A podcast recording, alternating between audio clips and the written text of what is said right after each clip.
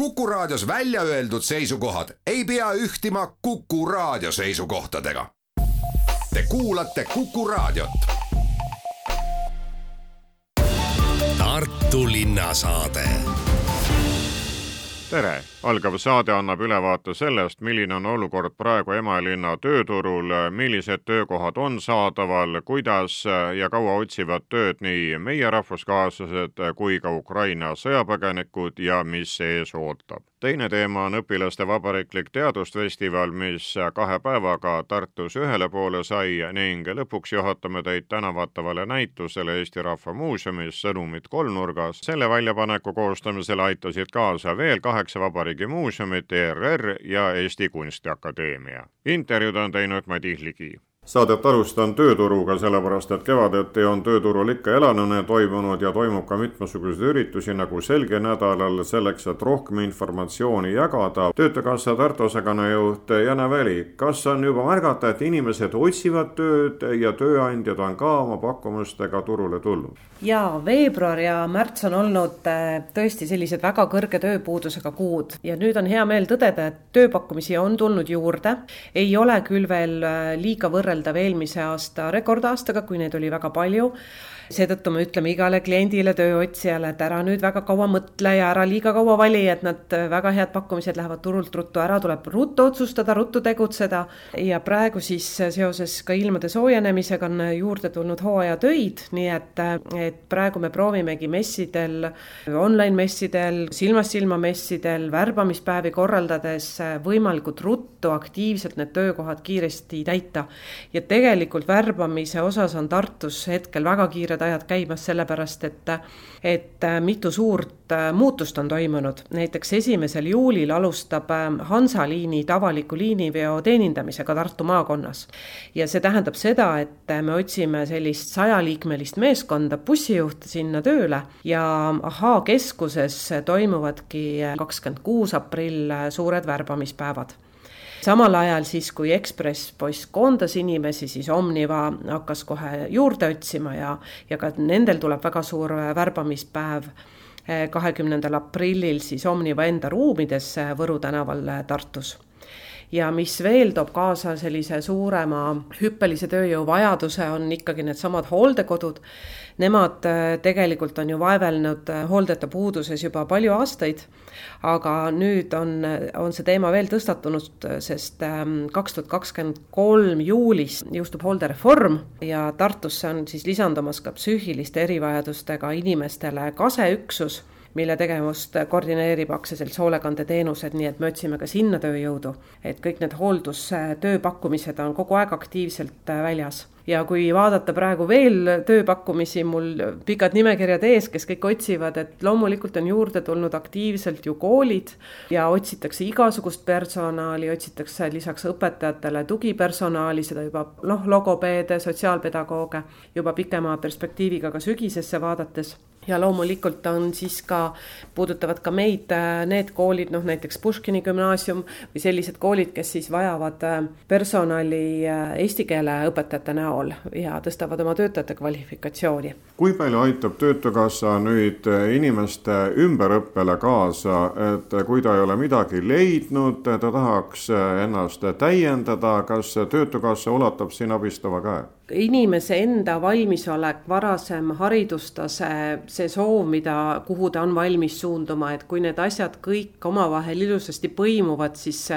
see ongi ju meie ülesanne, eh, anda sinna tööturule vunki juurde ja anda inimestele oskusi. aga oluline on see, et kui ehm, tööandja ootus on ikkagi sellisele baasharidustasemele või, või on nõuded kutsehariduses või kõrghariduses, siis meie saame anda soovitusi, on ka mõned meetmed, mis aitavad seda õppimist toetada, kui inimene kuulub sinna sihtgruppi, aga peamiselt on meie eesmärk anda siis kiiresti lühiajalisi täiendusi. me väldime ka ja tulevikus üha enam ja enam väldime selliste ühe-kahepäevaste koolituste andmist, see ei anna, ei tõsta inimese oskusi, võib-olla tõstab emotsiooni positiivsemas õigemas suunas, aga ei anna oskusi, mis on tööturul vajalikud, et pigem ikkagi pikemaid täiendkoolitusi ja ideaalis peaksid need lõppema siis kvalifikatsioonieksamiga või, või kutseeksamiga, et, et inimene on võimeline siis äh, kandideerima edukamalt kes Tartus tavaliselt kõige kauem otsivad, olgu tegemist tööandjatega või töötahtjatega? väga nutikas küsimus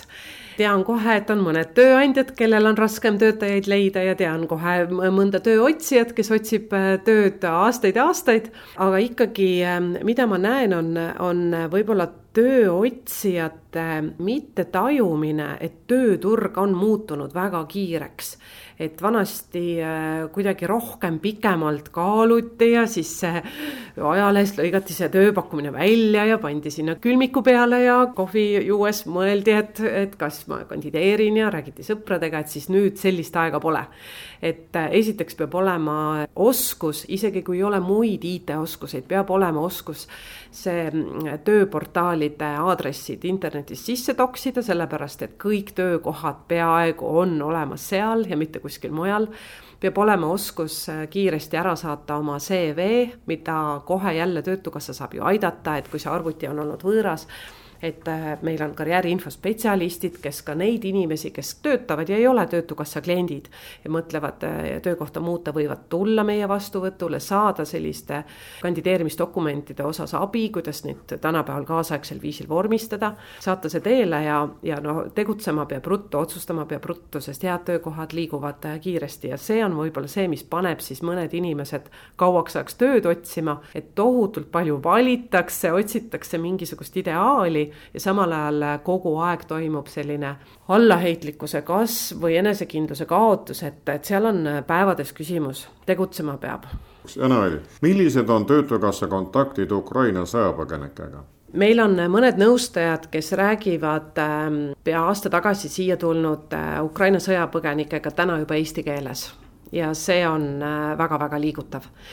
viisteist protsenti protsenti ütleme meie klientidest on eesti keele mitteoskajad, et praegu ma arvasin sinna hulka ka need inimesed, kes võivad olla mõnest teisest riigist ja, ja ei oska eesti keelt. et see tähendab seda, et neid ei ole just äh, väga palju, seal kuskil kaheksasada, kaheksakümmend või sealkandis umbes kaheksasajal ukrainlasel otsime tööd. väga suur äh, tööle rakendumise näitaja on just selle sihtgrupi puhul, see oli meie eelmise aasta kõige suurem, kõikidest äh, kandideerimisgruppidest nii-öelda, kes tööd otsivad, on nemad kõige aktiivsemad, kõige kiiremini tööle minejad praeguseni välja. ja samas on siis oluliselt vähenenud nende töötuna arvele tulek, et, et see vaikselt niimoodi väheneb. et ehk siis võib arvata ka, et nad hakkavad leidma oma, oma kohta paremini ja väga suur vahe on siis ka nende osas, kes tulid alguses ja nüüd, et see kogukond, kes on siin juba olemas, töötab ja toetab neid nii aktiivselt, et nad ei peagi alati jõudma töötuna arvele tulla, nad leiavad selle töö juba varem tänu oma väga hästi funktsioneerivale kogukonnale. Tartu linnasaade teadusagentuuri juht Anu Noorma, kui sageli sellised õpilaste teadusfestivalid, mis noori üle Eesti kokku toovad, toimuvad? Need toimuvad tegelikult igal aastal, aga need, selline õpilaste teadusfestivali formaat on meil juba aastast kaks tuhat kaks, nii et praegu siis on kakskümmend kaks aastat see toimunud ja loomulikult aja jooksul ta mõnevõrra on muutunud. näiteks praegusel festivalil olid meil üle mitme aasta algklasside õpilased ja ta ongi koolinoortele, nii et koolilapsed väiksematest kuni gümnaasiumiõpilastele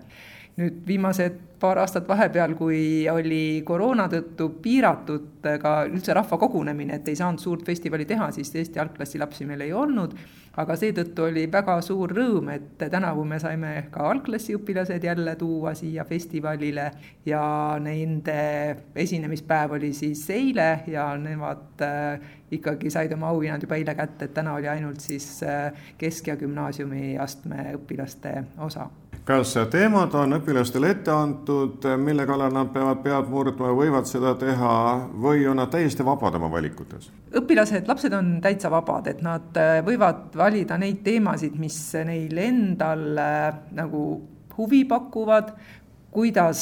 kuidas juhendajad neid on suunanud, võib-olla koolil on mingisugused põnevad äh, koostööpartnerid, et tegelikult lapsed on vabad, aga me hindame neid küll neljas erinevas kategoorias, et on siis loodusteadused, naturaalia, siis äh, täppisteadused, sotsiaalteadused ja humanitaarteaduste valdkond, nii et me hindame neljas kategoorias. põhikooli ja gümnaasiumiastme töid oli üsna erinevalt, et kolmkümmend üheksa olid põhikoolitööd ja sada seitsekümmend neli oli gümnaasiumiastme töid aga see tähendab ka ikkagi seda, et noh, teadus on tõsine asi, et tore on, et põhikooli lapsed juba asja vastu huvi tunnevad, aga päriselt see teaduslike meetoditele juurdepääs ikkagi tekib inimesel siis, kui tal on natuke rohkem teadmisi. aga uudishimu on kõikidel suur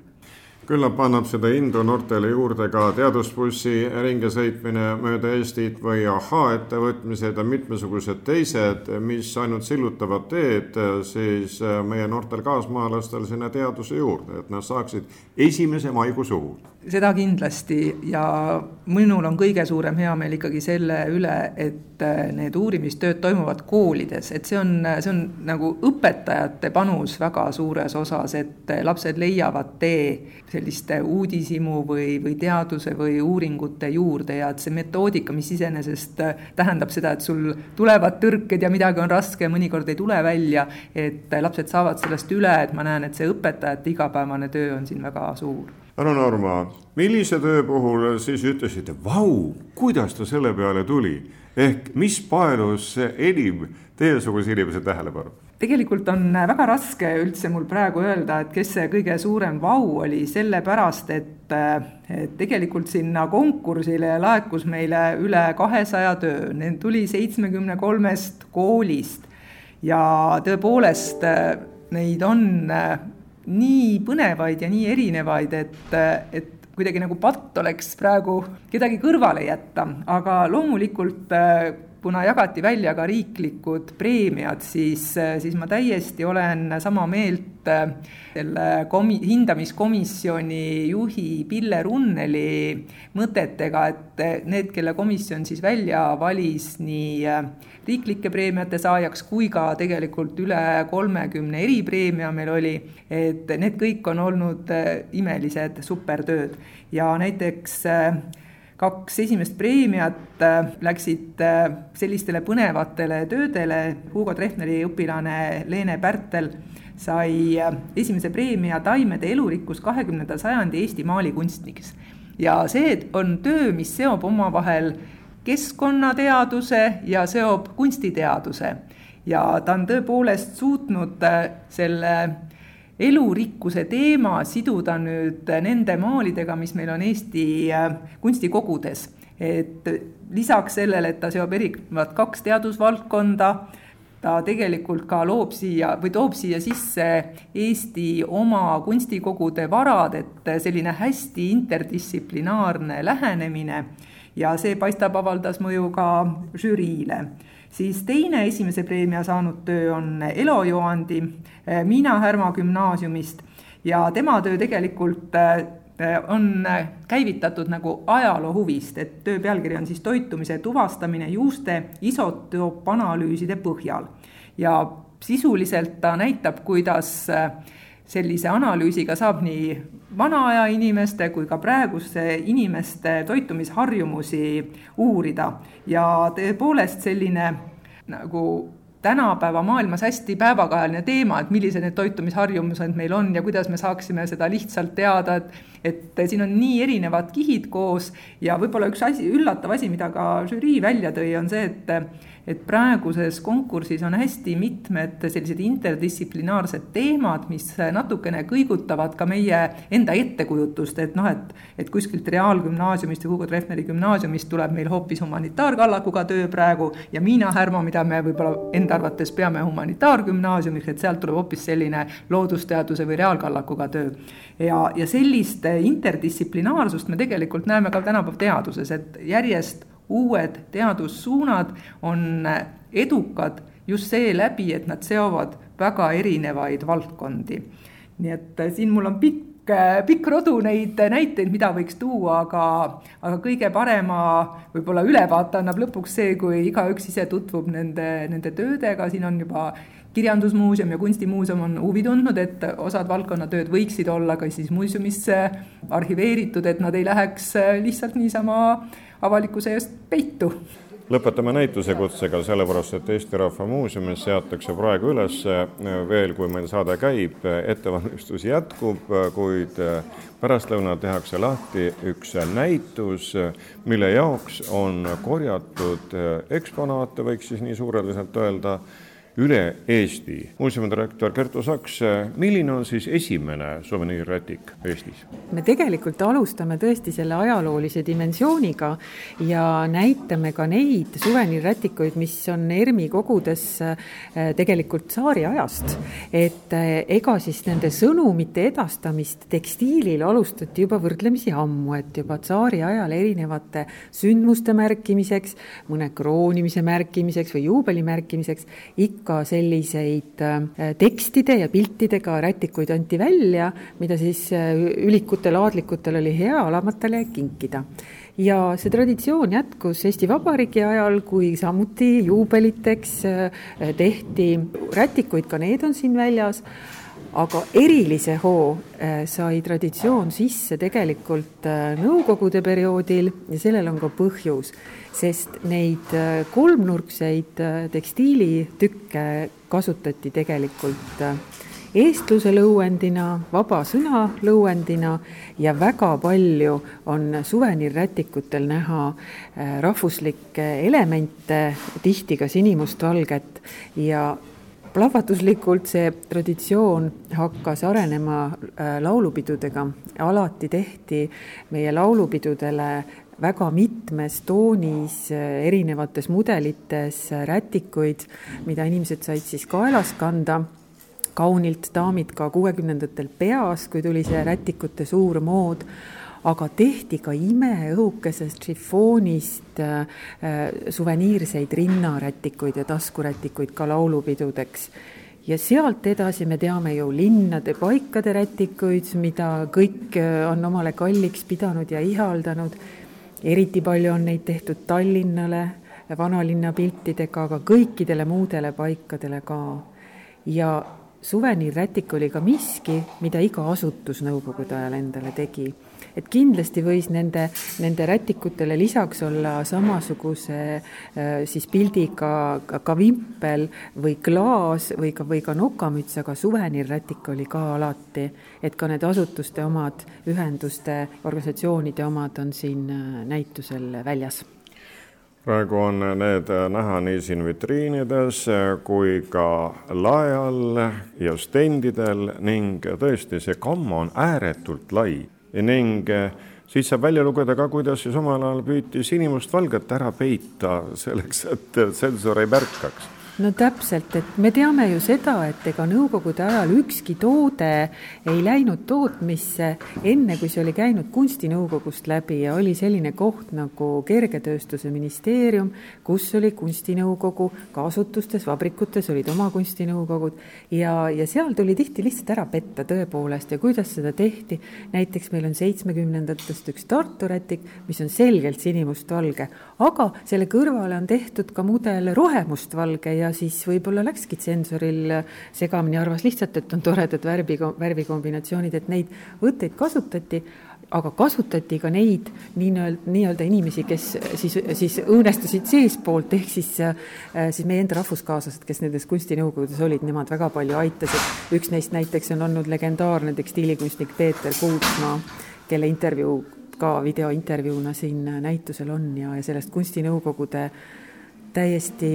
arulagedast äh, tsensuurist äh, me siin näitusel ka räägime. Te olete teinud jah üsna palju neid intervjuusid, sest igal asjal käib ju lugu kaasas ja loomulikult käib see ka rätikuga, et kuidas see mõte tekkis ja kuidas ta realiseerus, kuid äh, nüüd on siis ERMis need suveniirrätikud vaadata. Ja nagu algul öeldud, et mitmest Vabariigi muuseumist on toodud siis ERMi kogudele veel lisa kauaks see jääb üles? see jääb nüüd oktoobri lõpuni ja siin on tõesti äh, kokku üheksast muuseumist rätikuid, aga mitte ainult. meil oli suur aktsioon kapist näitusele, kus inimesed annetasid meile oma kapist suveniirrätikuid ja tõesti väga toredate lugudega ka. et eriti toredad lood puudutavad ju tuhande üheksasaja kaheksakümnenda aasta olümpiapurjespordiregatti, mis äh, Tallinnas toimus ja mille vigride ja, ja tähekeste ja purjekatega rätikud on siin ka ka kõik äh, suures koguses äh, esindatud, et äh, tõepoolest siit saab nii aimu nii neist lugudest kui ka lihtsalt meenutada, väga paljudel inimestel kindlasti on need rätikud siin meeles, mis, mis meil näitusel on, tulevad tuttavad ette kallid kuulajad, nii palju tänaseks Tartu tööturust, vabariiklikust õpilaste teadusfestivalist, mis siin linnas lõppes ning Eesti Rahva Muuseumis täna vaatavast näitusest Sõnumid kolmnurgas ehk suveniirrätikutest. teavet jagasid Töötukassa Tartu osakonna juhataja Jane Väli, Eesti Teadusagentuuri juhatuse esimees Anu Noorma ja Eesti Rahva Muuseumi direktor Kertu Saks. Neid käis usutlemas Madis Ligi. aitäh kuulamast, olge terved! Tartu linnasaade